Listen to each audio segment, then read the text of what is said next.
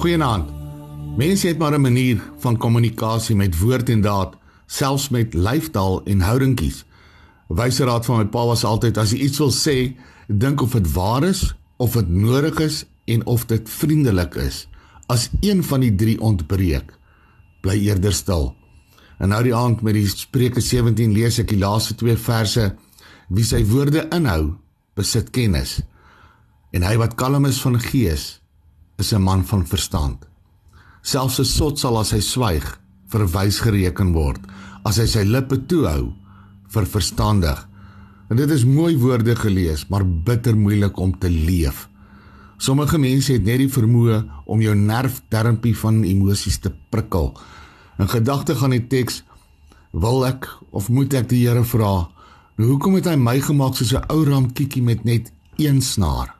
Daardie een nerftermpie wat so maklik getokkel kan word en nie 'n harp met baie snare nie. In jou lewe dalk ook. So maklik word emosies geraak wat jou kalmte versteur.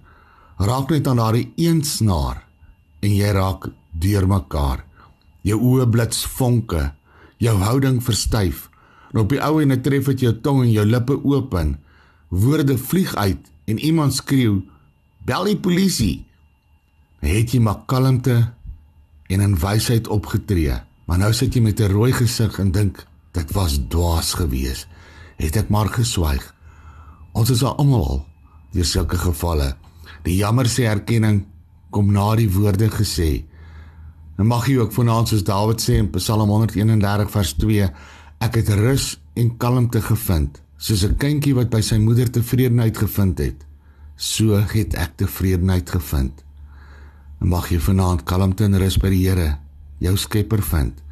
Hy bied jou tevredenheid al sou omstandighede en mense jou ontstel.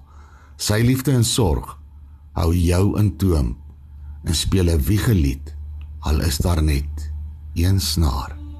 Amen. Nag se Here.